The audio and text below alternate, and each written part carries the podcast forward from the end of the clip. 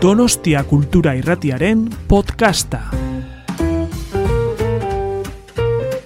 Bueno, ba, arratsaldeon eta eskerrik asko etortzeagatik, pikin bat itxaron arazi dizuegu, baina espejotik dator eta, bueno, ba, badakizue, errepideen tan demora ez dugu kontrolatzen eta hasiko gara hala ere.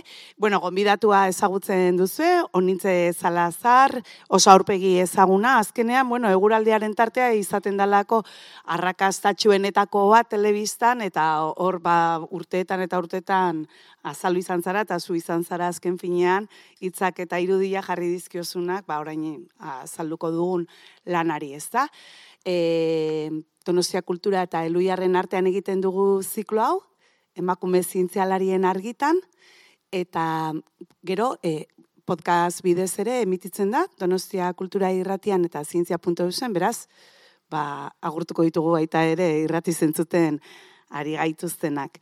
Eta besterik gabe, ba, hasingo gea, gutxi gora bera ordu bete edo iraungo du, eta bukaeran galderak izango ditugu bueno, zuek izango dituzte galderak egiteko aukera. Baina, nik ere egingo dizuet galdera bat, eta, bueno, elu jarralizkariaren azken zenbakia atera berria da, bakarri daukat hemen ale bat, eta horrezkura jartzen ditugu batzuetan, baina nola bakarra daukadan, ba, pentsatu dez osketatzea. Eta galdera bat egingo dut orduan bukaeran, orduan adiegon, eta erantzuna dakienak, ba, ez da zai izango, eh? Ez dakit orain izer, baina bueno, etxera bateko aukera izango du, bai? Orduan, e, bazteko, pixka zure ibiluideari buruz hitz egingo dugu, esan dugun bezala emakume zientzialarien argitan izena du zikloak eta izena du horrela, ba, askotan emakume zientzialariak itzalean gelditzen direlako, ez da? Eta justu, e, zuk fizika ikasi zenuen, fizikaria zara, komunikazioan aditua esan dugun bezala, eta meteorologoa.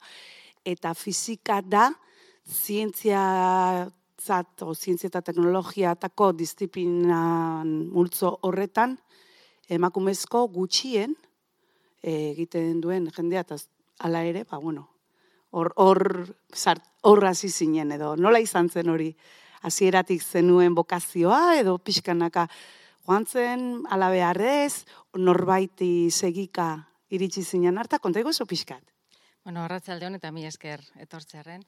E, nik batez ere mm, fizika ikasi nuen mm, bereziki zerura behira egoten nintzelako, baina batez ere gauetan, izarrak, planetak eta guzti horrek nolabait atentzioa e, ematen ziaten beti, eta beti nolabait hori neukan buruan, eta gero, bueno, ba, zientzietan ere, ba, ikasle honan nolabait nintzen ez, ba, e, horrek eraman induen apur bat e, fizika ikastera. Azken finean, ba, bueno, e, fizikaren bitartez e, nolabait esateko dana edo e, behintzat zaiak erain daiteke gauza guztiak e, azaltzeko eta ni beti bilgi naiz nolabait arrazoien bila. Eta ezagutzen dudanean e, zerbaiten atzean e, ze arrazoi dagoen azalpen hori entzuten dudanean nolabait horri e, nolabaiteko edertasuna ikusten diot, ez? Ederra iruditzen zait.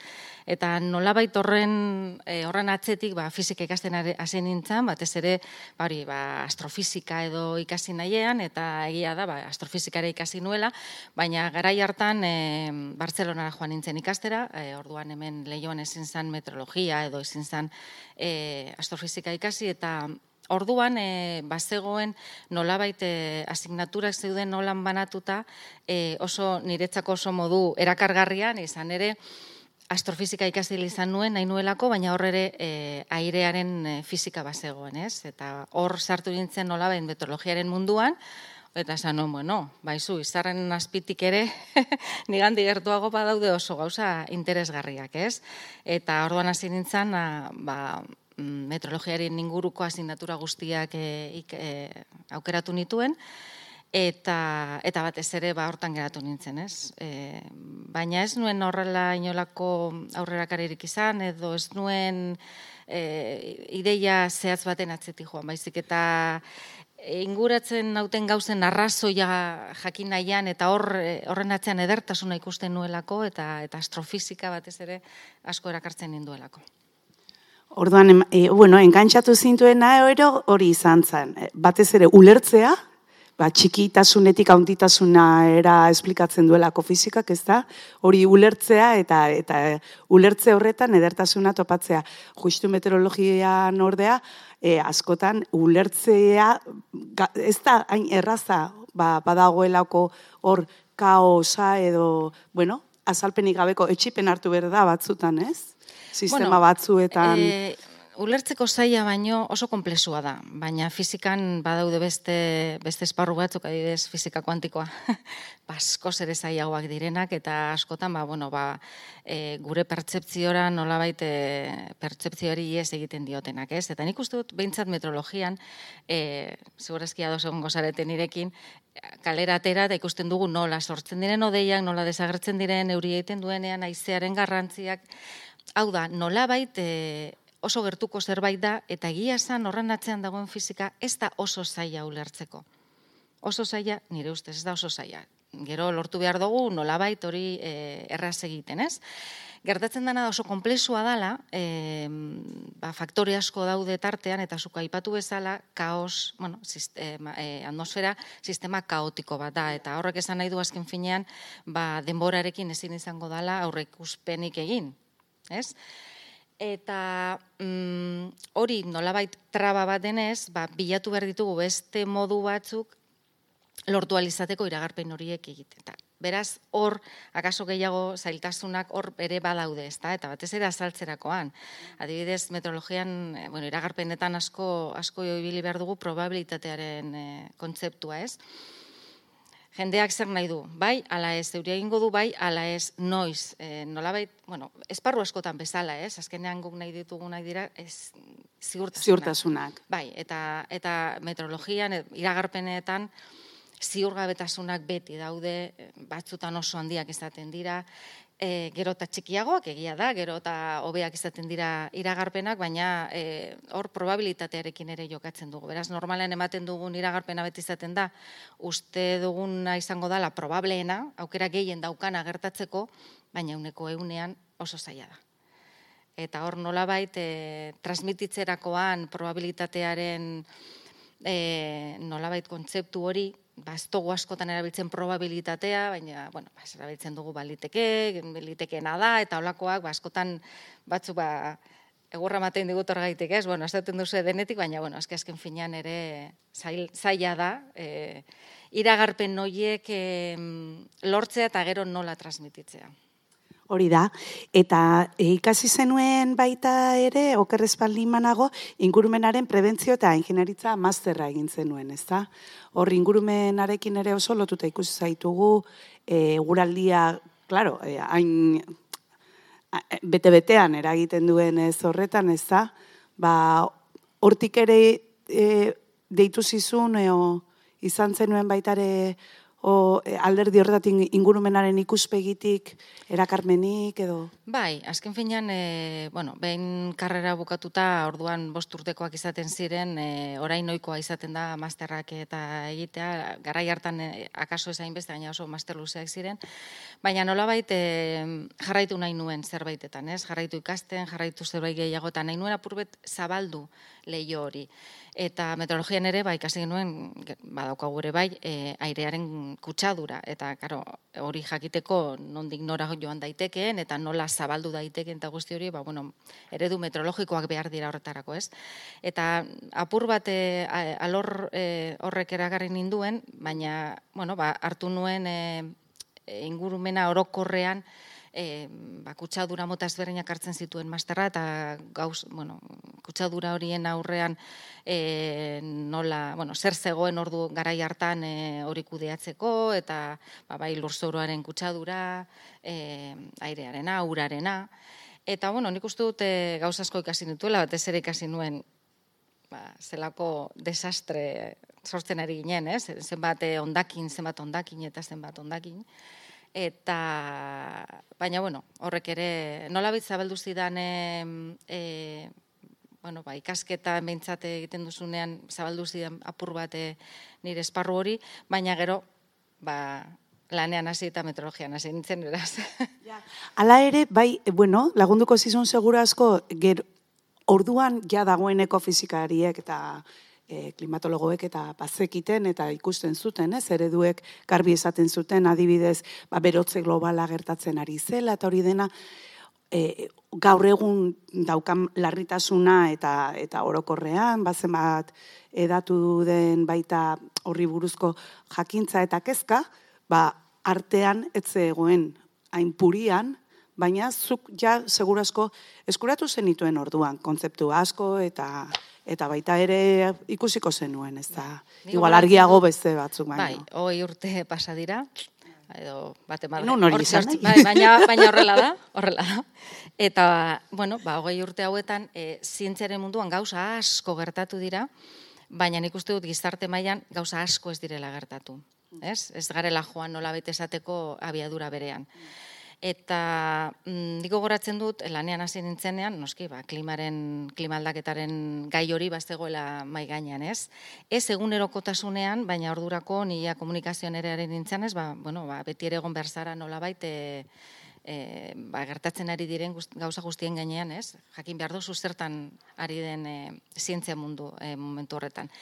Eta garai hartan, e, gehien bat hitz egiten zan arrazoien inguruan. Aztertzen genituen arrazoiak. Ira, ni goratzen dut irakurtzen nituela artikuluak eta e, bueno, ba, gaur egun oso oso barneratuta daukagun e, berotegi efektuko gas horiek zer egiten duten, ez berotegi efektua izatez. Beraz, garai hartan duela hogei urte, e, gu behintzat on, hemen hasinen horren inguruan hitz egiten, arrazoien inguruan. Eta bai, ba, ematen du... Eta zain beste ondorioak eta are gutxiago ba prebentzio. Hori da. Handik urte batzutara ondorioak. Eta dara matzago, ez dakiz bat urte ondori buruz hitz egiten. Dinot, baita edabideetan eta kalean, gizarte mailan e, ondorioak, ondorioak, ondorioak.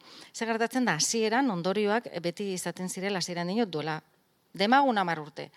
Ondorioak, artikoan, e, hartzen kasuan, animali batzuk ba, desagertze zeudela, e, ba, Amazonan, beti urruti, irre ez dakit nungu irlere batean, beraz, e, klima aldaketaren ondorioak urruti xamar. Eta ematen du urruti dauzkagunean. Eta gainera, aldaketa ez denean izango bere alakoa baizik. Eta aldaketa horiek behar dute denbora luzea, ematen du hitzakia, ba, hortara edo ez duela eh, nahikoa ondo reakzionatzen e, aldaketa hoiei, ez? Urruti eta oso astiro gertatzen den aldaketa bat kosta egiten zaigula. Ez dugulako nolabait gertu gertu ikusten.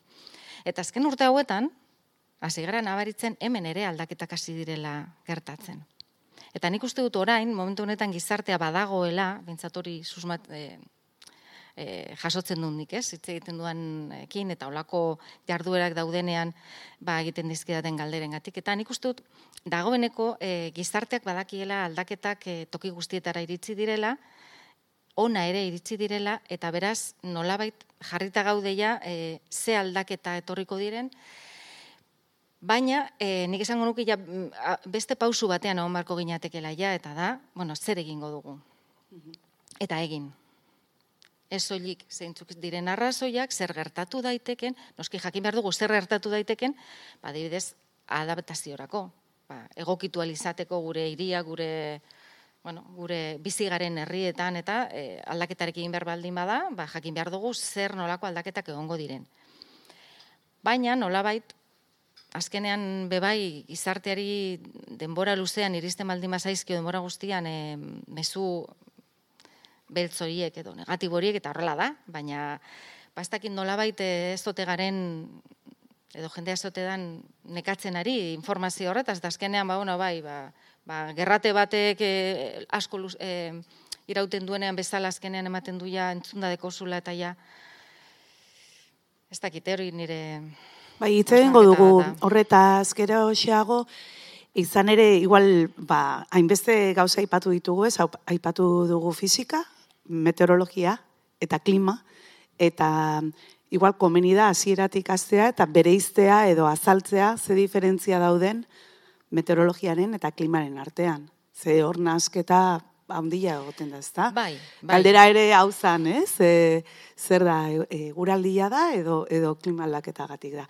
Pentsa, bakaurko temperatura, amazazpi gradu, Bai. Donosti, bueno, abenduaren bai, Gauza ezberdina dira, eh? Seguraldia ari garenean ari gara momentuko egoera. Ez da, gaur, hogei gradu, egoaizea, odei altuak, eta bar.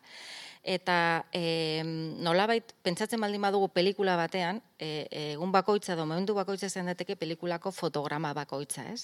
Baina gero klima, egin behar duguna da pelikula osoa ikusi. Hau da, kasu honetan, ba, normalean klimari buruz hitz egiten dugunean, behintzat hogeita hamar urtetako tarteak hartzen ditugu, beraz, hogeita hamar urtetan minimo, e, zer nolako temperatura daukagun. Beti bataz besteko buruz ari gara. Bataz besteko temperatura, e, bataz besteko prezipitazioa, bataz besteko, bueno, dena delakoak. Beraz, e, nolabait da, e, toki batean dagoen eguraldiaren batez besteko bat.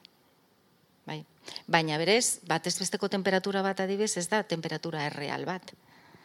Ez? Amabos graduko batez bestekoa, ez da. Existitzen temperatura hori berez.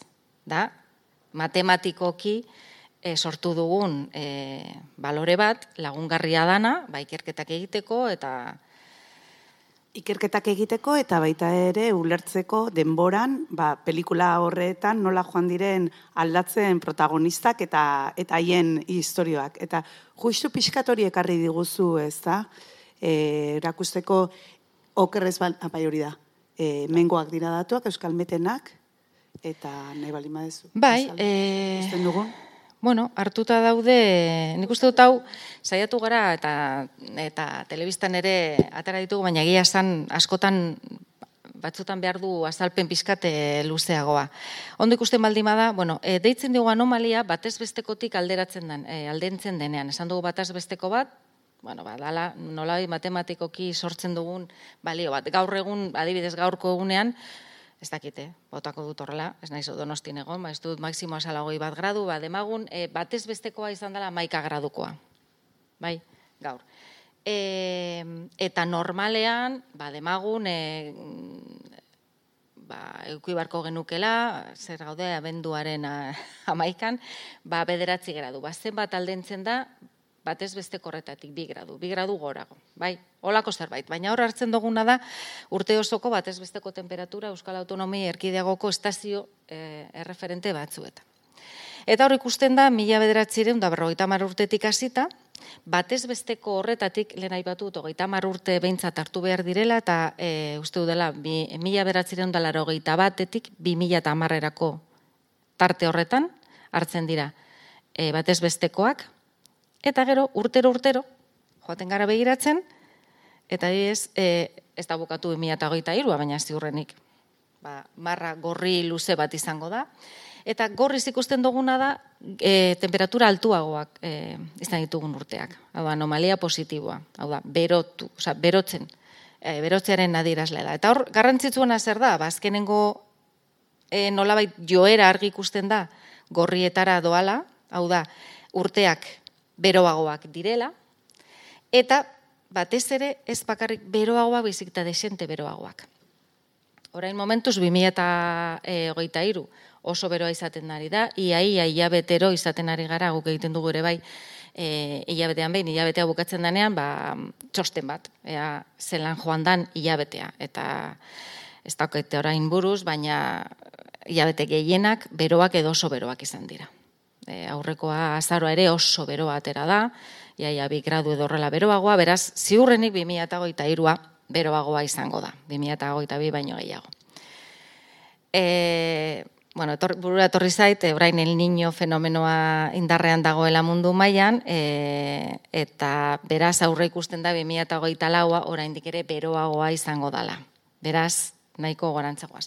Horrek ez du esan nahi, hemen ere e, berdin berdintxoa izango danik, ez? Beti ere, segun eta nun gauden, ba, olako grafikoak ezberdinak izaten dira. Baina lehen aipatu bezala, gurean ere datuak argiak dira, eta eta hor ikusten da nola, gurean ere joera hori dan. Gero eta beroagoa dagoela gure gure inguru, gure atmosfera. Hori da, eta gero ekarri dituzu baita ere, en, urrengo diaposit, bueno, pas, bai, pas, igual ordenagaiura...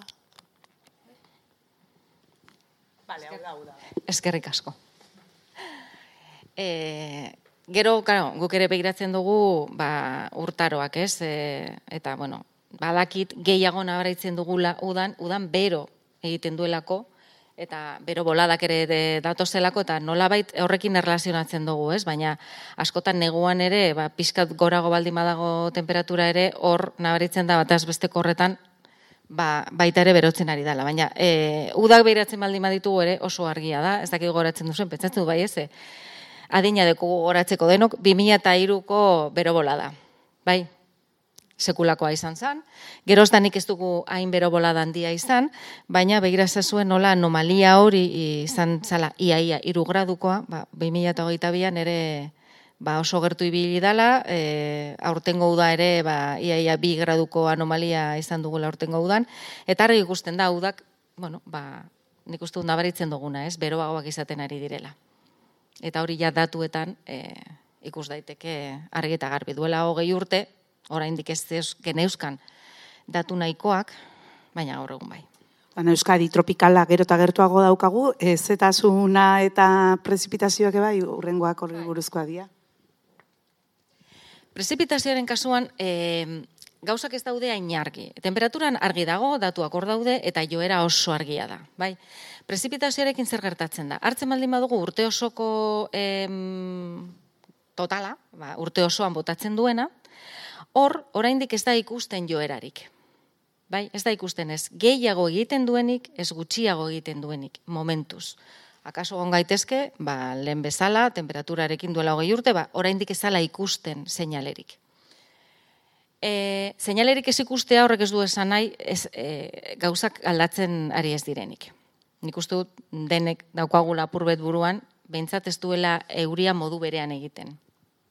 Lehen eta orain em, ematen du denbora luzeago pasatzen dugula euririk gabe, eta gero egiten duenean, askotan ere, indar gehiagorekin etorten dala.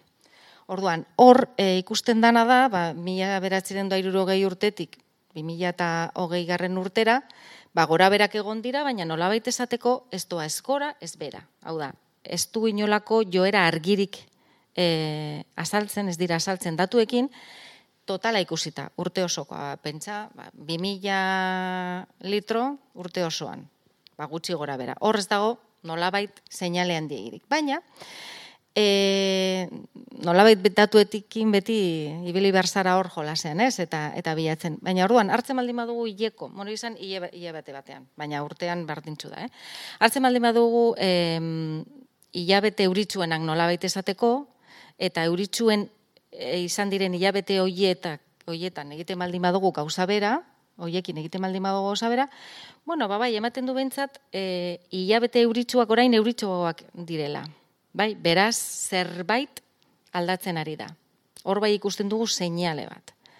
Bai, hau da, euria egiten duenean, ez egun bakarri, bakarri baina, bueno, e, olako euri jasandiak datozenean, edo denboraldi luzean euriarekin, ba, lehen baino gehiago ere ematen du botatzen ari dela. Egia esan, euriaren kasuan, oraindik ere, ba, bueno, azterketa gehiago egin behar dira, hor dago ere azirimiri gutxiago egiten duen edo lehen baino, eta, bueno, ba, oraindik ere azterketa gehiago badaude egiteko, ez? Baina, e, klimaren e, kasuan proiektzioak egiten direnean, ematen du euri gutxiago egin beharko lukeela, kantitatean ere, urtean zehar. Hori da proiektzioak esaten dutena temperatura igo eta euri gutxiago egin. Baina momentuz kopuruan behintzat, urteko kopuruan ez da seinale argirik ikusten. Hori da klima, klima iragartzeko edo klimari jarraipena egiteko eta aurrikuspenak egiteko erabiltzen dituzuen e, datuak eta hori. Eguraldiarenak desberdinak dira. Eta hor badukazu uste de grafiko bat, ez da? Nola eguraldiaren aurrikuspenean? Bai. Bai. Bueno, hau or, nahi izan dut, beste, bai. Beste faktore batzu daude bai. hor, eta beste erabatera egiten dira.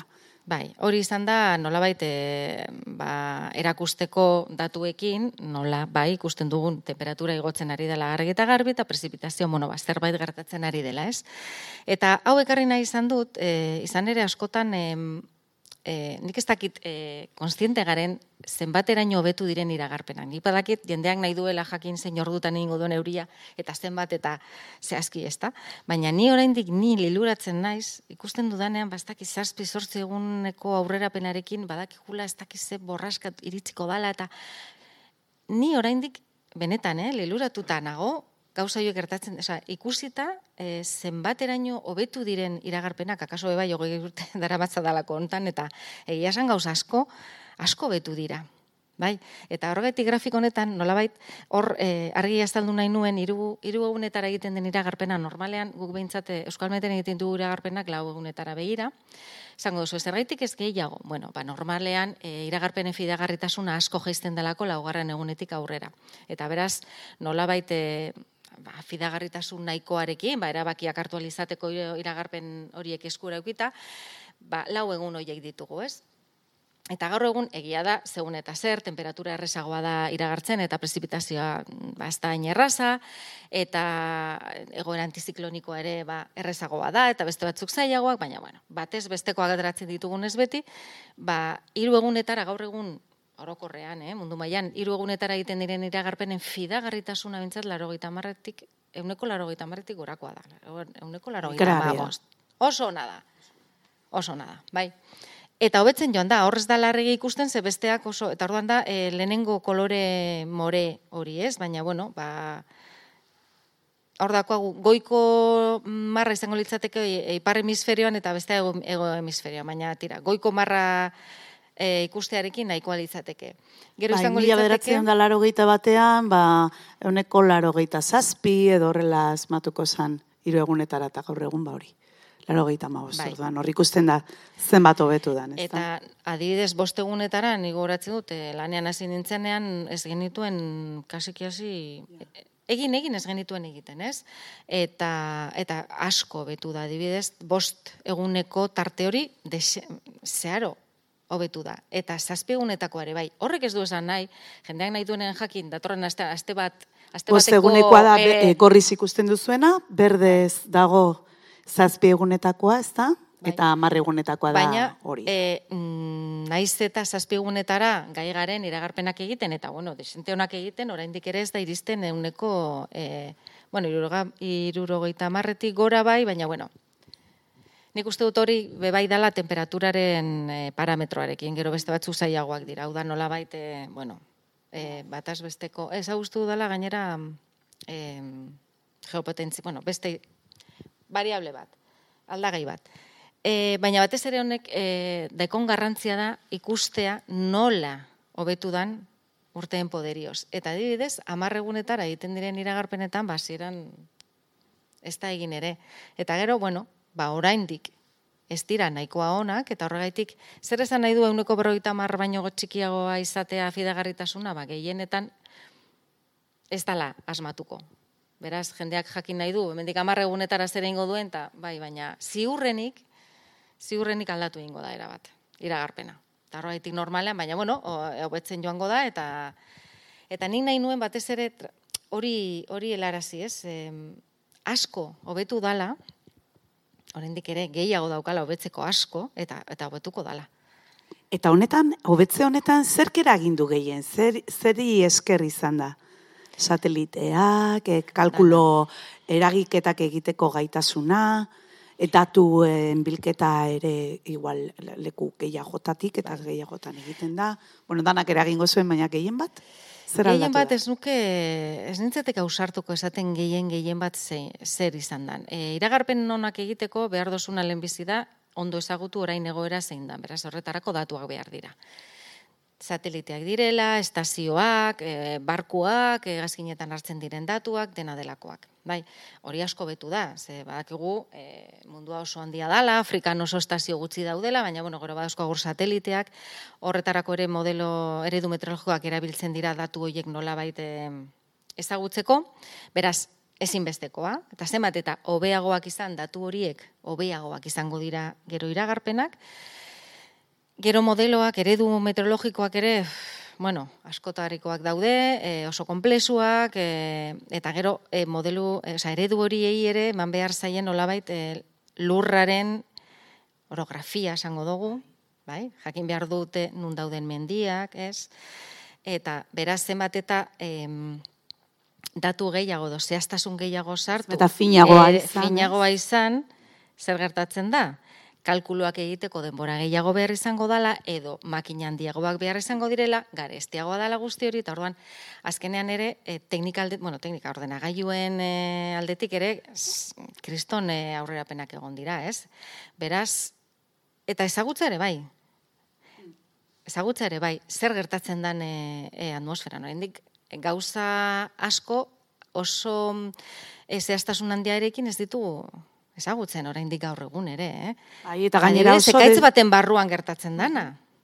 Bai, hoize esaten igual, oso desberdina izango da gainera ulertzean maila eskala jakin batian, eskala handi batian igual, hobeto ulertzen dira gauza batzuk, baina gero maila txikian eta oso lokala dan fenomeno bat esplikatzeko, ba, igual ez da erresa izango. Bai, nigoratzen dut, e, ba, unibertsitatean eta basatez duten, ba, oraindik ere, ba, odein bate barruan badakigu kargak e, e, banatu egiten direla, e, eta horregitik gero atximistak zelan sortzen diren, ez? eta zergaitik gertatzen da manaketa hori, baina bueno, oraindik ere, teoria ezberdinak daude, oraindik ere ez daki guztiur, horrela.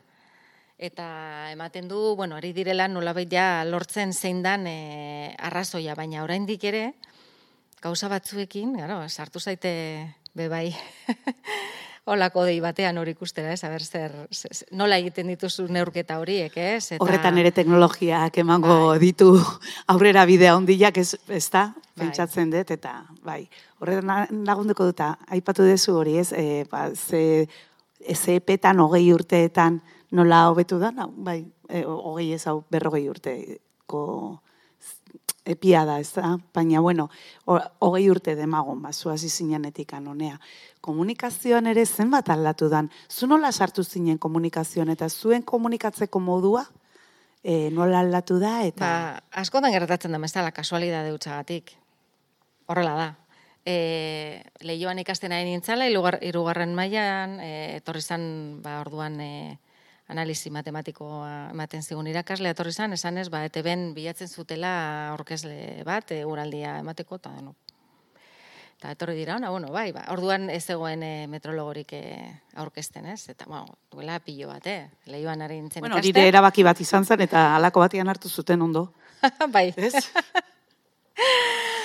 bueno, eta ara saldu ginen, ba, batzuk, Galdetzen medio, zergaitik eh, aurkeztu zuen zure gura? Ba, ez dakit. Ba, gaztia zinalako. Gaztia zinalako, eta venga, zergaitik ez. Ba, haber zer da nago, ez? Eta, bueno, tara joan ginen batzuk, eta, bueno, baitzura baten hor gordeko zuten. eta gero aurrerantzean aukera gontzan, e, ba, ete ben, ba, uda baten e, egiteko olan e, ordezkapen bat. E, eta gero, e, Bartzelonan e, orduan sortu zen, e, sortu zaren bi, bi telebistak kate nola esateko ordaintzen ziren hoietakoak, baina te, tematikoak zirenak. Ba. Batzan, tan eguraldia, eguraldia klima, nat, bueno, gero, natura, talako, eta orduan, e, Bartzelonan bertan, e, sortu zituzten olako, bueno, sortu zuten olako talde handi bat, ba, kasetari batzuk eta metrologo asko, fizikari asko, e, gazteak dan ginen danak, eta, bueno, ba, hor, venga, telebista aurrean, ez, orduan, zan, ogoita lau ordu guraldia ematen, pentsa zelako zoramena, bueno, guk ez, baina, bueno, errepikatzen ziren, ez? Eta, bueno, izan zen nola baite, bueno, ba, ikasteko oso modu ona, ez? Oso giro ona zegoen, oso gazteak ginen danak, eta horra ginen, ba, hori, pantai baten aurrean, ba, ba, gure iragarpenak botatzen eta nola guk eh, ez dugun irakurtzen e, esaten duguna, ez? Ba, ba hor nolabait, ba, bueno, ba, errestasun hori hartu nuen, egon nintzen horrezakit biru urte dolako zerbait, eta bueno, bandik, handik eta ona, eskualmetera, gero irratiak, eta bueno, askotan ibili naiz ara eta ona, ez? Eta zer gustatzen zaizu hortatik? Gustatu gustatzen zaizu, bestela ez zen oke egingo. Pentsatzen dut.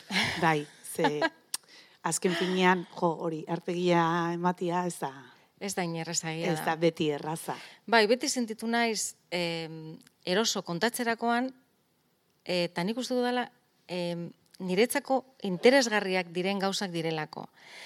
Ni harritu nauenak edo, edo ed, lehen esan dizutez, ikasi nuela, ba, nahi nuelako arrazoia jakinik ez dakit, adidez, ez, e, azaltzen duzunen, hortzadarra zerraiti sortzen dan, eskenik flipatu egiten dut, eta hortzadar bat ikusten dudanean, ba, horri biltzen, ba, mm, pentsatzen dut izpia nola doan, urtanta nola, ez dakit nola esan, orduan, hainbeste gustatzen zait, ba, gero iruditzen zait, Eta gero konturatu naiz be bai, ba, bastakit lagunen artean, familien artean, ba, zerbait kontatzen dudanean, bueno, ba, jendeak ulertu egiten duela, ba, ez da dizut hasieran, ez nik uste dut ez dela intzaia ulertzeko, ez? Eta ikusita, ba, jendearen ere interesa bazegoela eta eta entzuten dizutela, ba, gustora. Eta, klaro, gero, honek pareko dakar e, iragarpena, ba, iragarpena egunero egin behar da, egunero jendeak eskatzen du, eta, eta nola bai, ba, bueno, ba, hori ere beste, parte garrantzitsu bat izan da, ez? Orain ez dut horrela egunero iragarpena e, komunikatzen, baina baina aurreren ikustu dut badagoela modu bat, ez? E, komunikatzerakoan. Bai. Garrantzitsua, garrantzitsua dela. Bai, bai, bueno, bat, e, bada garrantzitsua eta gainera en, hori bai nahiko nuke aldarrikatu, azkenean bada zientziak izarteratzeko modu bai. bat, eta e, uste dut lan handia egiten duzuela, benetan. Eta asko aldarazi dezake gaina jendearen portaera eta hmm. eta eskakizunak eta erantzunkizunak eskatzeko modua ere. Beraz, ez da, ez da utxala.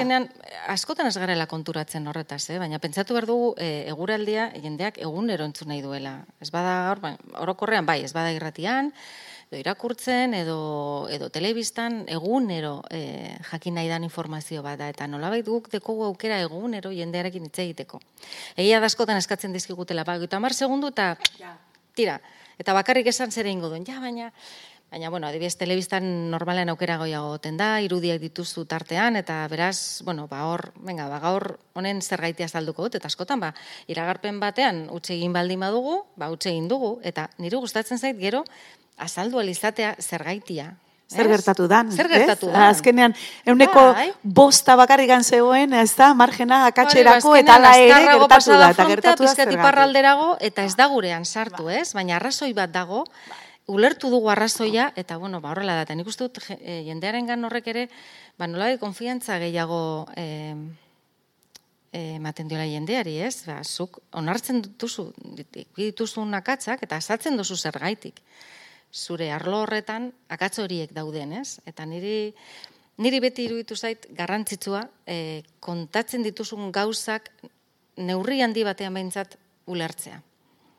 Jakitea zeri buruzari zaren, e, nik uste nabaritzen dalako, gero kontatzerakoan eta hobeto iristen da, ze, mm, nik uste nabaritzen dala. Baina ondo komunikatu beharra dago ere bai, hori ez da nire kasuan, bastakit, ba, holan suertatu da, e, ez dut ikasi ezer zertxorez komunikatzeko, horrela suertatu zen, eta zinintzen lan honetan, eta, eta esperientzia. Eta, eta azkenean, denbora pasatzea da, bildurrak entzea, eta, eta gustatzen zaizuna nolabait komunikatzea. Bai. Eta gero bai, honetan bezala, ba, bai egonda bilakaera bat, e, tresna gehiago daude, ba, ikustarazteko eta azaltzeko irudietan edo grafikoki bai. ba, meteoro, fenomeno meteorologiko hien atzean zer dagoen eta horrek ere laguntzen du, eh, zulertarazten eta laguntzen du pilo bat eta gainera, bueno, goraldian pentsa irudiak Irratian egin daiteke eta lasaiatzen gara, baina telebistak dauka hor e, oso, oso, oso erraminta ona da. Ikusi dituzulako uoldeak, ikusi dituzulako argazki zauragarriak, odeiak, e, hortzadarra, eta gero grafikoki ere azalpenak eman alizateko, ze jendeari asko zere hobeto sartzen zaizkio gauzak askotan, e, grafikoki eta bi ideia simpleaekin, e, asko ere errezago iristen da, ez? Eta naiz eta momentu horretan dana ez ulertu, ez da helburua nolabait, ez? Dana ulertzea momentu horretan. Baina tira, ah, entzun nuen horren inguruan zerbait eta nolabait e, piztea kuriositate hori eta, ez? Eta gero beste behin, ba igual pilatu interneten, ba entzun nuen honen inguruan zerbait, aber zer gehiago dagoen eta bueno, Nik uste, bai. batez zer hori dala, ez? Ez da, nire zaiatu naiz gaur denek ulertu behar dute hortzadarra nola sortzen da. Ba ez, ez da, ez da posible, ez? Eta baina batzutan akaso aspergarria ere suertatu daiteke, baina bintzat, bueno, ba, simplekita pare bat pintzeladekin, ba, berpiste, oza, pistea e, interes hori.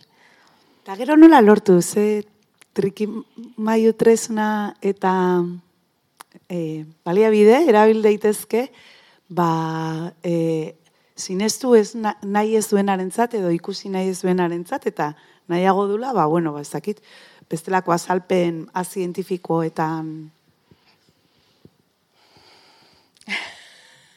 Nik uste dut, bai, bai, bai, bueno, askotan ataratzen den eh, galdera da. Ez dut esango itzituta nagoenik, baina nik uste dut azkenean, em, puntu batean sinizkeria bat da, ez? Eta norbaitek zerbaitetan sinisten baldin badu, ni ez naiz joan gorren kontra. Arrazoiakin ezin zaio aurre. Ez.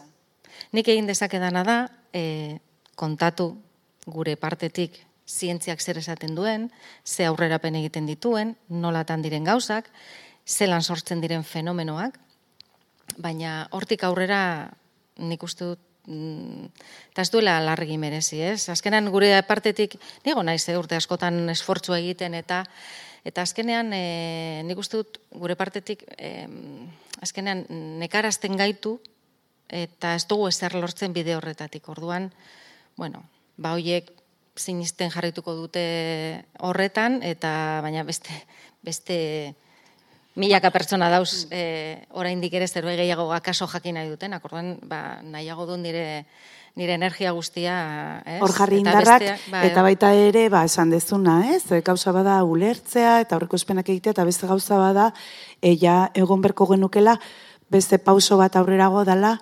ondorioak nola lehundu, edo nola hoietara nola moldatu, eta, eta horretan igual, ho- hobeto ateratzen dago merezi du gehiago Bai. hor jartzea indarrak. Uste du zerbait ekarri duzu, ez? Ez dakit. Bueno, nahi duzun bezala, eh, Ez Ana? Ez. Bai, aurrez ez. Em, hau zen. Karo, nekin eh, esan nahi nuen hau eh, urrian, hau Mexiko da, hor eh, Mexiko eh, mendebaldera hurbildu zen eh, urakan bat, uste dut, otiz, bai, otiz urakana, urrian, E, iragarpen gehienek hemen e, grafiko honetan ikusten baldin badozue e, nolabait e, horizontalean zabaltzen diren hoiek moreak, urdinak, berdea eta baina danak holan horizontalean, hori ez da ibilbidea, hori da e, orduak pasatzen dira eta hor nolabait vertikalean e, ze indarra hartuko duen, ez? E, modelo e, eredu meteorologiko ezberdina daude urakanak iragartzeko, egia esan gaur egun oso onak dira, oso ondo harrapatzen dute nundik e, nora ibiliko dan, zer intentsitate hartuko duen, beti erabiltzen dira kono antzekoak, ba, ez, em, ez jakintasun hori nolabait e, gestionatzeko edo, baina nahiko onak dira, oso onak esango nuke. Eta zer gertatu zan kasu honetan? Ba, gehienek esaten zuten, e, orduan zan ekaitz tropikalak. Ekaitz tropikalak intentsitate bat dauka eta indartu egiten baldin bada urakan bihurtzen da eta gero urakanak gehiago indartu ala, igotzen da lehenengo mailakoa, bigarrena, hirugarrena, laugarrena, bosgarren mailakoa iritzi arte. Bosgarren mailako urakana da fuertena, indartsuena. Eta hor, e, modelo ezberdine baina esaten dugu, ba, mundu mailan egiten direnak, eh? eredu meteorologiko ezberdinek aurre ikusten zuten, ez dela ez da e, lehenengo mailako urakan bihurtuko. Hau da, jarraituko zuela, ekaitz tropikala izaten, mugimendua hortik, ba, eta bueno, ba, ekaitz tropikal bat sartzen baldin bazan, hainbesteko txikizioa zuen sortuko. Ba, Beiraz ez, hogeita lau ordutan, hor gorriz markatuta daukadan, hori da, egin zuen, e, bilakatu zen, bosgarren, katego, iaia bosgarren mailako, ze, pizkat berandu bosgarreneko bihurtu zen, hogeita lau ordutan, laugarren mailako e, urakan bat izatera pasa zen. Oso askar, indartu zen, oso askar, eta ez zuen inortzok ere ikusi, bueno, inor, Ba, bai, ereduek. Zer gertatzen ari da? Bueno, ba, aurrean dugun panorama berria da. Itxasoa ez da inoiz hain bero egoni. Bueno, inoiz datua daudenetik eta gu daudenetik datu horiek ikusten, ez? Inoiz ez da hain bero egon itxasoa. Inoiz ez dugu izan orain daukagun atmosfera. Beraz, olakoak, bueno, ba, aztertu beharra dago, e, eta iragarpen horiek- dago ja, ereduetan e, bai, ez dagolako datuetan, ez, hain, bez, hain denbora gutxian, azkeneko denboran, hainbeste aldatu direnez ez dago, oraindik, nahiko datu, jakiteko. hobeto ezagutu behar da, e, gaur egun daukagun atmosfera eta, eta bueno, daukagun mm, planetan, egoera honekin, zer nolako fenomenoak sortu daitezken edo nola e, bilakatu daitezkeen e, Ze orain artekoak ez du balio esplikatzeko. hori da. Beste asko bai, da. baina adibidez hau ez, beraz, hasi gara ikusten, ostras, e, ba, kaso, orduan, ikerketa gehiago behar da. jubilatuko. ez, ez, ez. Eta hortik dabila e, adimin artifiziala gauzak e, hobetu nahian edo hobetzeko bidean, baina oraindik ere ezagutu behar dugu e, atzean dagoen fisika, ezagutu behar da zergaitik gertatzen diren gauza hauek eta eta bueno, a ber, ereduak ere, ba eguneratu beharko dira, baina baina modu horretan, ez? E, gaur eguneko Bai. egoerara. Adimen artifiziala, ipatu dezu, Bai. badaukazu itxaropena oso lagungarri izango dela. Izan daiteke, izan daiteke, ematen du izan daitekela. Bapatean orain ez, eta nik ez dut uste em, ordezkatuko duenik batak bestea. Ez. Alde batetik, eh, orain eh, egin diren adimen artifizialarekin egiten ari diren iragarpen horiek, bai, oso azkar egiten dute, eta makina bakar batekin. Hori sekulakoa da, ze karo, meteorologian gertatzen dana, iragarpen meteorologikoekin da, lehen esan dizudana. Behar dira, pilo bat ordenagailu superpotenteak eta behar da denbora asko. Lehen horregaitik ordenagailuak eh, sortu arte, ezinezkoa zan iragarpen bat egitea, ze pertsona batek behar izango zituen ez dakizen bat bizitza, e, iragarpen bat egin alizateko hemendiko e, zei ordutara segretatuko zan. E, baina adimen artifizialak bai egingo du oso azkar, baina adimen artifizialak egiten duena da e, datu multzoak erabilita, patroiak bilatu, eta gero, e, bueno, ba, ondorio estatu zer gertatu daiteken, vale? baina datuak behar ditu. Momentuz, datu guzti horiek, noski, nondik lortzen ditu. Ez bakarrik e, e, mm, e, hartu diren datuetatik, baizik eta eredu meteorologikoek sortutako datuekin. Hori da, eredu meteorologikoek erabiltzen dutena be bai. Reanalisis deitzen dana. Bueno, datuak hartzen dira, baina gero nolabait makinak jan behar du, programaiek jan behar dute modu txukunean. Nola egiten duzu modu txukunean datu horiek? Fisika erabilita, eredu meteorologikoak erabilita, beraz, behar dira. Eta gero, e, nik uste dut lagungarri izan daitekela, ematen du aurrera pausu handiak egiten ari direla, baina ikusi beharko da epe ertaineko iragarpen horretan, ez? Bai, hemendik e, pare bat ordutara, ez, epe laburra. Naukastin deitzen dana. Ba, bapatean sortzen zaizun, hemen izan daiteke bapatekoa, izan daiteke bata bat, izan daitezke trumoiek aitzaku da partean. Holan bapateko zerbait, ez? Oso denbora laburrean sortzen dan fenomeno bat eta kaltegarria izan daitekena, baina bueno, ba, tornadoak adibidez, ez? E, ba, estatu batuetan hain maiz gertatzen direnak. Orduan, oso epe laburrean sortzen diren fenomeno horiek aurre ikusteko, karo oso zaila da, e, jakitea, claro, sortuko direla, bai, baldintza daudela sortzeko, baina gero, ezinbesteko da jakitea, e, nun sortuko dan, ze bide hartuko duen, eta zer indarra hartuko duen intentsitatea. Eta hori oraindik ere gaur egun ereduekin naiz eta gero eta hobeagoak izan eta jarrituko dute hobeak izaten, ba oraindik ere nahi, zaila da zehaztea horren beste, ez. Erabiltzen dira, ba, egiten dana da, e, sateliten bidez, radarraren bidez, nolabait kombinatu eredu meteorologikoak eta ikusten ari garena, ez. Eta ematen du adimen artifizialak horretan lagundu dezakela, epe laburreko iragarpen hoietan ikusi beharko dugu, eta gero jarri beharko dira martzen, eta ikusi beharko dugu ber... Eta zuzenketak egin, eta bueno... Ba, eta ala bada, zoragarri. Ba, bai. Eta gero bestea, nik hori argiago ikusten dut momentu, zuk esan duzun amarregunetara begira, ez? Em, lehen esan dut, ez? Lau egunetara egiten ditugula, eta gero hortik aurrean, naiz eta hobeak izan iragarpenak, oraindik ere ziurgabetasun handia dela, eta iragarpenaren fidagarritasuna asko jaizten dela. Baina orduan, e, bueno, ba, gizakia zertarako dago, haueltak emateko eta eta bilatzeko beste modu batzuk, ez? Beste, beste bide batzuk lortzeko eh, helburua. Orduan egiten dana da eredu meteorologikoak, bale, ez dira perfektuak, ez dugulako datu guztiak, ez dugulako e, gertatzen dan guztia ezagutzen zehazki eta ezin diogulako formula hoien bidez ezin dira perfektuak izan, parametrazazio asko daude, eta gero dago kaosaren ar, ar, arazoa. Beraz, ez dira perfektuak, ados. Zuk egiten baldin badozu, bakarrik behin e, eredun meteorologiko bat bati eskatu, hemendik zazpi egunetara zer gertatuko da. Emango dizu emaitza bat, baina esan dugu, ziurrenik aldatuko dala. Bueno, ba esan dieza jogun, eredu honi, berrogeita marraldiz gauza e, aldaketa txiki bat egingo diogu, izan daiteke hasierako datuetan, izan daiteke mm, mm, formularen batean, ekuazioren batean zertxo baita aldatu, para zertxo baita aldatu. Ze, kaosaren teorik hori esaten du ez, edo zein aldaketa txikik, luzera ora begira, aldaketa handiak ekar ditzake. Eta hori gertatzen da, orduan aldaketa txiki hoiek egin, eta lortu berrogeita hamar emaitza ezberdin.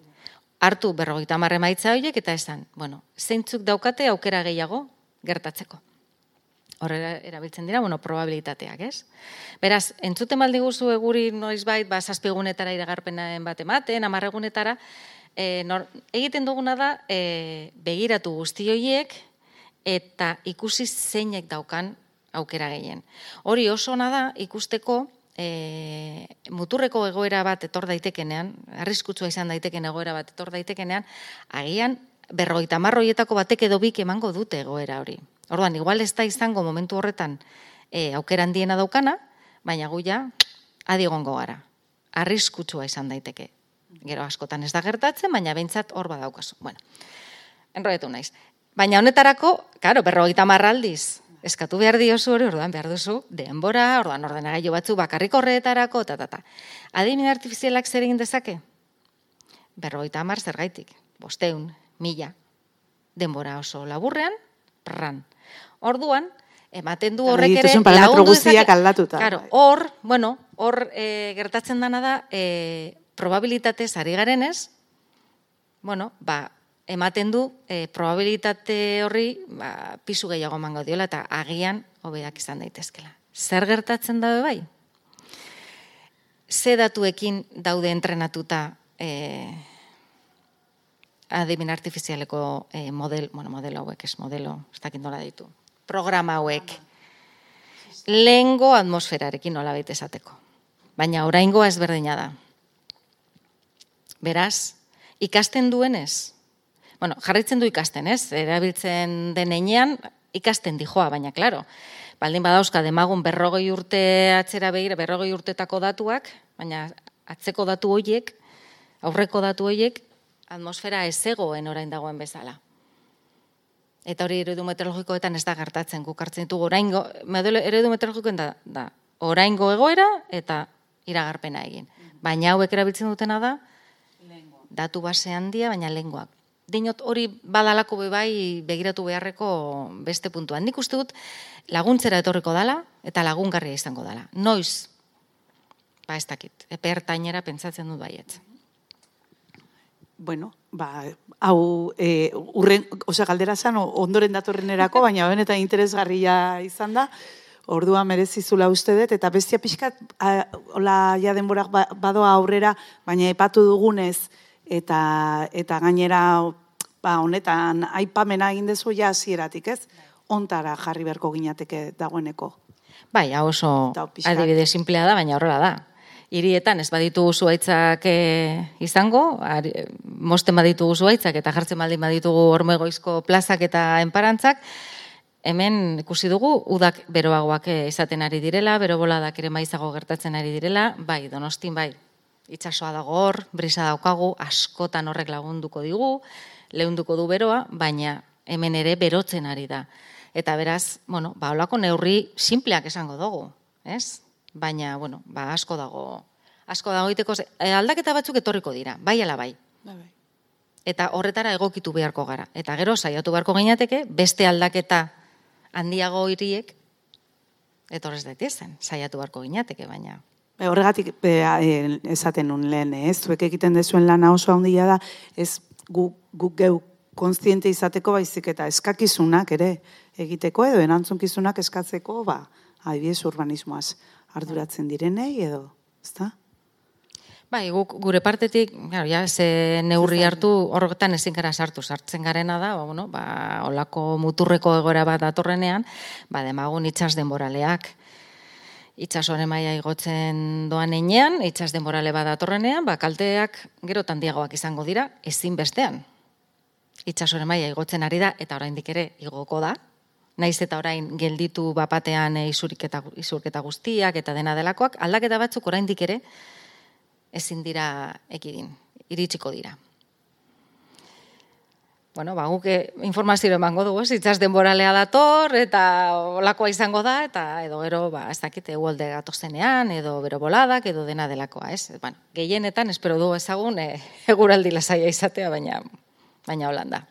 Ba, liburua komentatu baino lehenago, azkeneko galdera, eh? Kopo geita sortzia bukatzea doa, e, zirriborroa arratsalde honetan kaleratu dute, itxaropenik bai, edo Ba, behira, kopo hiek hasi zirenean, eh, ni jarraitzen nituen, eta, bai, itxaropena, nik, esango nuk ez dudala inoiz galdu, baina iruditzen zait galtzen ari naizela, behintzat, mm, maila honetan, ez? Goi bilera hauetan. Bueno, nori izan da presidentea, ez dakit, e, ez.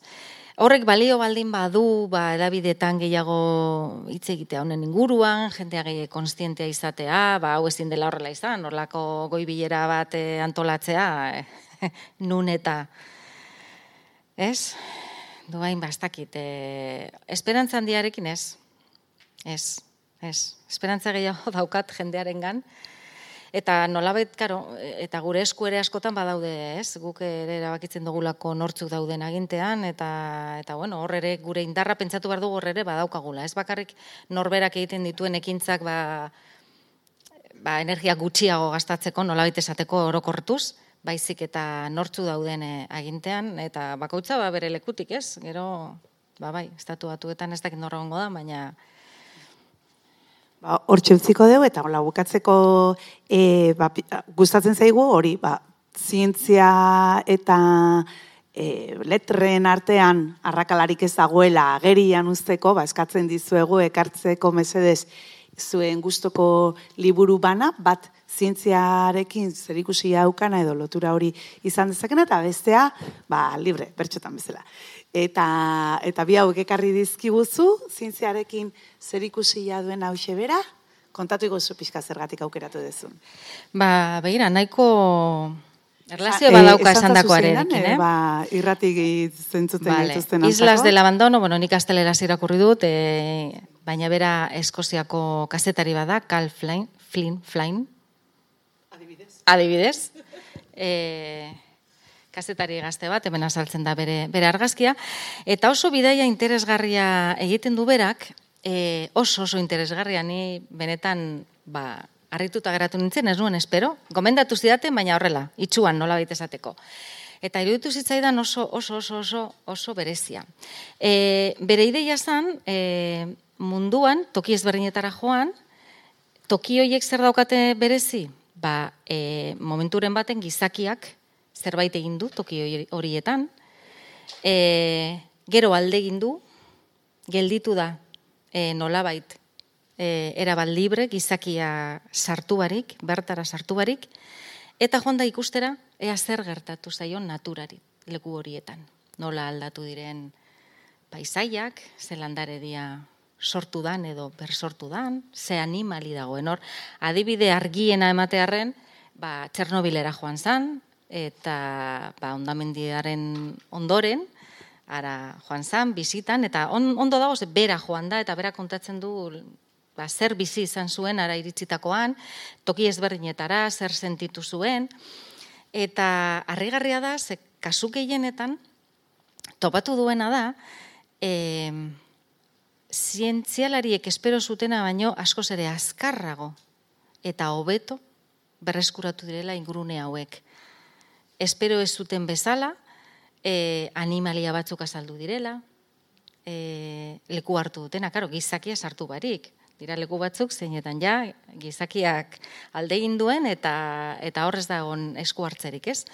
eta landareak ere bai landaren aldetik bazen bat espezie berri eta alakoak eta orduan e, munduko oso interesgarria da oso loku, leku ezberdinak e, e, bizitatzen ditu eta eta gauza harrigarriak topatzen ditu oso modu politan dago idatzita eta gero gainera berak nolabait e, honekin e, lortu nahi du e, bargizpi bat bezala, ez? E, klima... Itxaropena, Ba, itxaropen puntu bat zergaitik, ba, ba, klima krisi honekin, ez? E, bai, dana txarrera dijoa, txarrera dijoa, zer egin dezakegu, ba, nolabait e, iuntasun horretan jende asko gelditzen da, nolabait ba, ez zer egin gabe, ez? Edo gelditzen gara. Ba, zer egin godo, ez, Ez? Bai, etxipena. Etxipe, bai, Bai. etxipena, etxituta bezala. Eta, eta berak ikusi nahi du, adibide hauetan, badagoela esperantza, badagoela zeregina, eta, eta bueno, eta bai, ba, ikustean nola e, gizakia segunetan nun sartzen dan, eta nola sartzen dan, ba, zer nolako ondorioak e, izaten diren bai. Oso Hemen ere Arturo Elosegik askotan ekologoa da eta bereziki ibaietan egiten du lana eta esaten du duela hogeita hamar urte urumea bera ba ze kiratsa zeukan, ze kolore, ze, bueno, zala iristen estatu batuetan zu eta dan hartzen zuten ibai batzuk. Hainbesteraino ez, baina e, orduan e, jarra, jarri zirenean arauak, e, nola garbitu behar ziren urak, e, bota izateko eta eta debekuak eta bueno, inork ez zion hori, baina hortan dirua gastatu zertarako ta. Eta bueno, eta ez, e- eta jarraitzen dugu, eh, oraindik ere jarduerarekin eta eta hala ere, ba nola egiten duten onera gauzak, bueno, ba naturaren indarra Ba, bai, eta oso... baina hainbesterainokoa da, ba, ba, oso atsegina da, eta oso, Mhm. oso polita. Eta bestea, beste ja, ja ez dauka horrekin zer ikusirik, hemen daukagu, teri. Ba, beste da, martes con mi viejo profesor. Mitz Albon, hau ere e, kasetaria, kasualidades, bi kasetari ekarri ditut.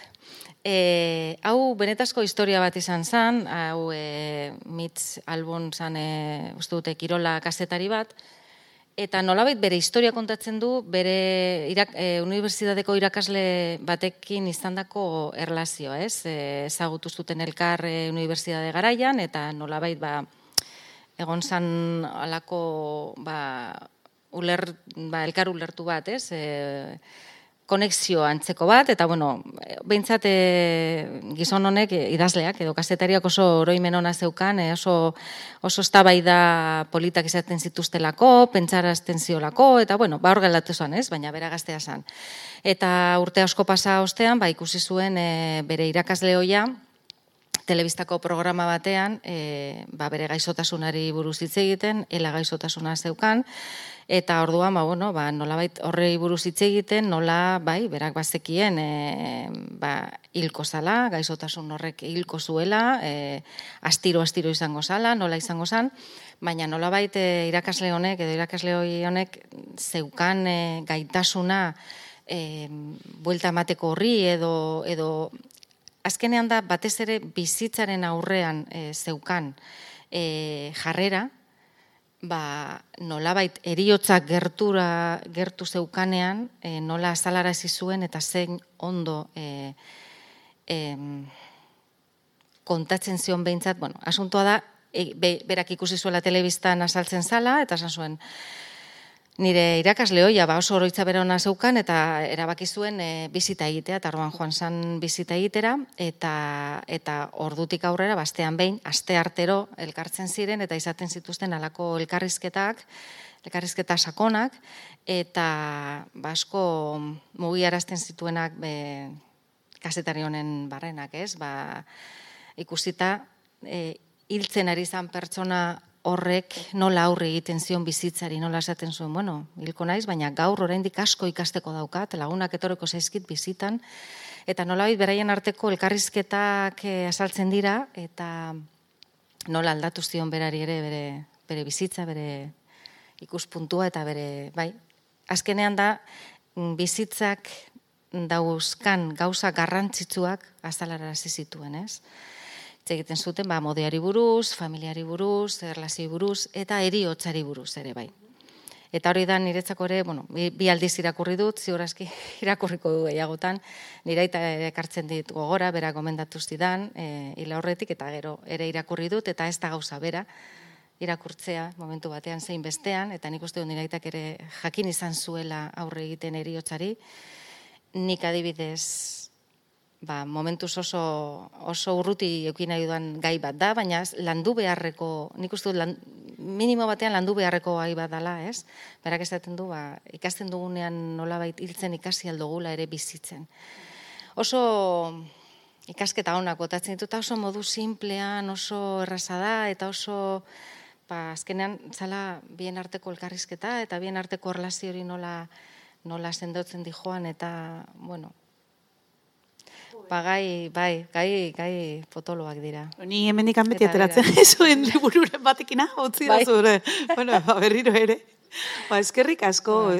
e, ekarri dizkiguzun libururen gatik, kontatu diguzun guztiaren gatik, eta, bueno, hemen izateagatik, nik galdera pila gehiago egingo nizkizuke, baina agindu dudanez, ba, zuei emango dizuedala gero hitza, galderaren bat balima daukazuen, e, mikrofonora mesedez, egin, eskatu mikrofonoa eta hortik hitz egin entzuteko baita ere podcastean, bai?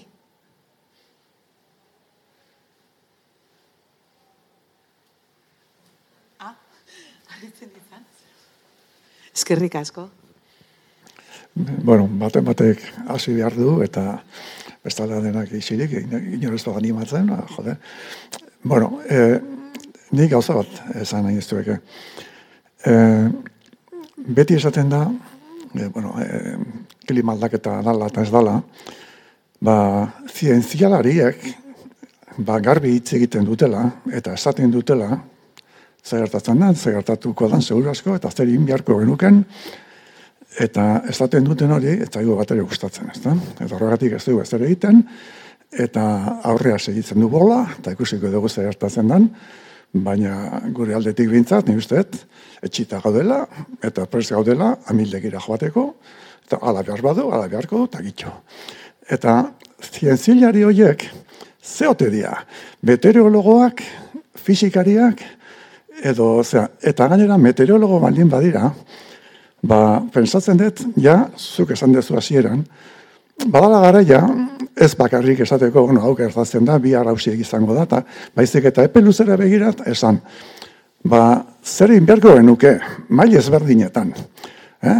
politikariak, eh, enpresariak, herritar arruntak, alegia guk, eta, zera, eta hori, eh, beti esan da, ohitura galdatu beharko ditugu, baina inorrek ez du esaten, ze ohitura dian horiek. Eh, Zerrenda bat egin eta hasi, a ber, venga. E, eta jendeak beste berotasun bat beharko luke, beste zerbait. E, zan, bueno, ze zaine ez guk egitea. Edo, nik uste guk asko indezakegula. Baina hemen gaude lozorroan, edo, edo, motoleto, moteluta, mozolotuta, et, odo etxita, ez dakit baniek. Eta nik uste ez dugula aurrea pausik, ematen oso gutxi. Eta gero azkenean igual ez da inbesteako izango, baina bazparen nik uste dut zerbait egiteko prestu inbergo genukela. Eta hor ikusten den dik utxune handi bat. Eta ber, ze esaten diguzun, edo ze... Bueno, azkenengoari helduta, izatez, gertatzen ari diren gauzak, espero baino azkarrago gertatzen ari dira. Bai. E, lanean e, informe horiek egiten, esa, e, klima aldaketaren inguruan badago IPCC, intergubernamental, bueno, mundu mailan e, zientzialariak dira, baina asko nazio arte mailan bastakize materialdetakoak.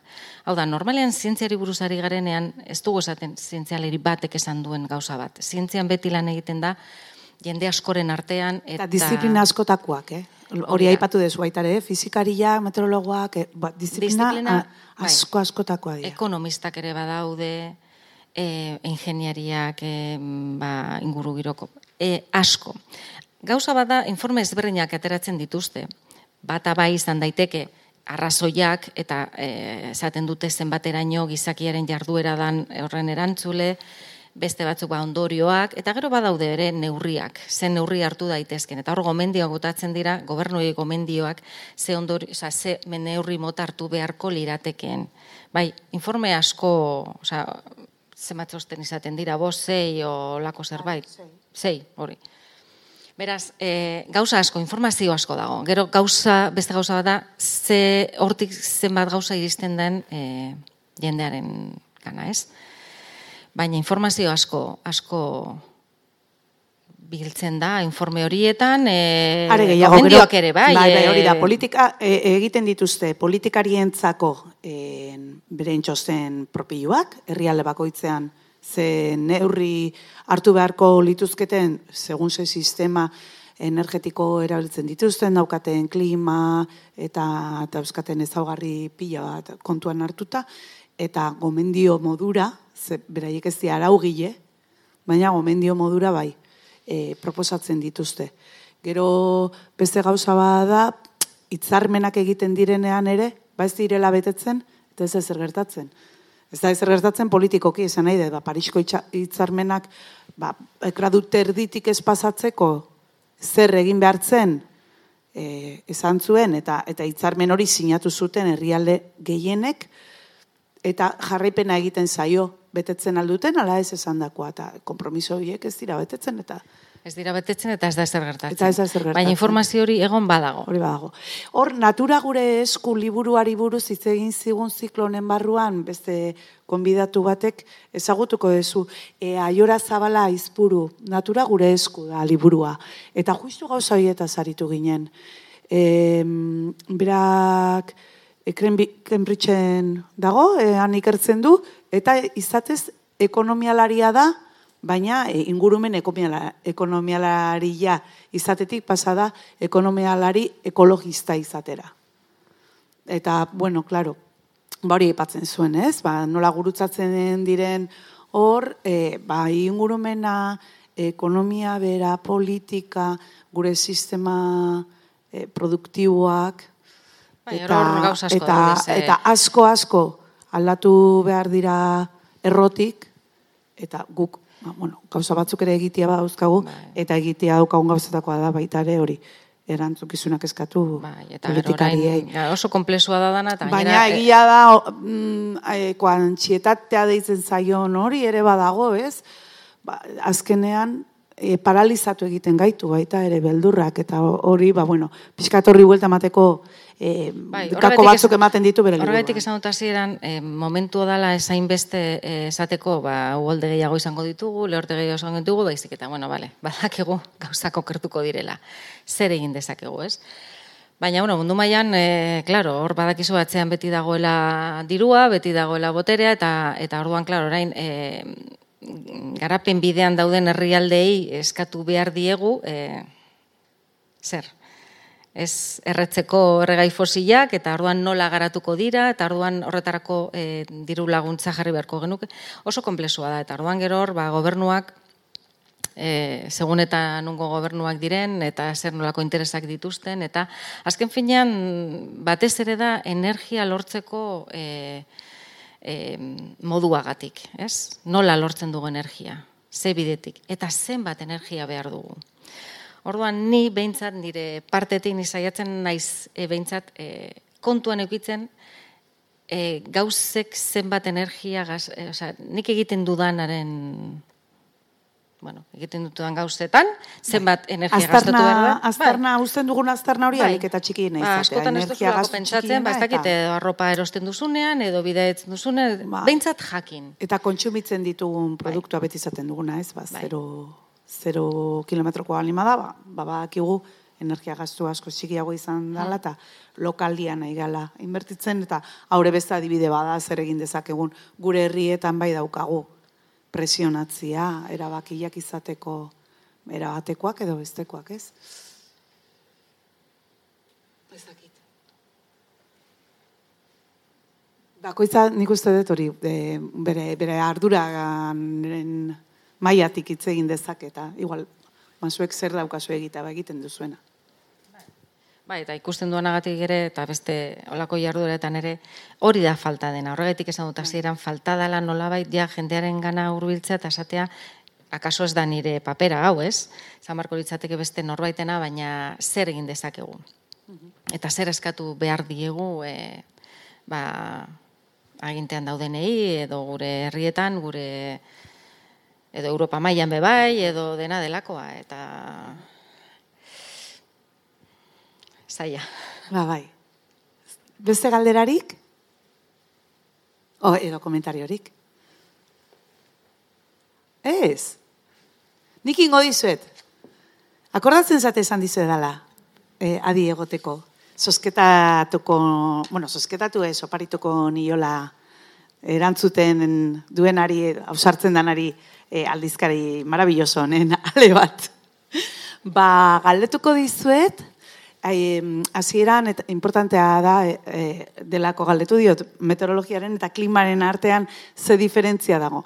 Klimaren bataz besteko zenbat urteko epearekin egiten dituzte? Hogeita mar. Esan du.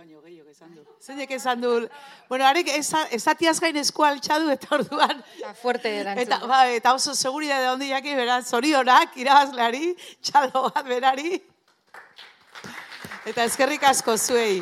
Eta aurren arte gogoratu entzun gai egongo dela, eta eta mila esker, Ba, mila benetan esker. honintze Mila esker zuei eta, bueno, placer Goza bat izan da, benetan, eskerrik asko. Eskerrik asko.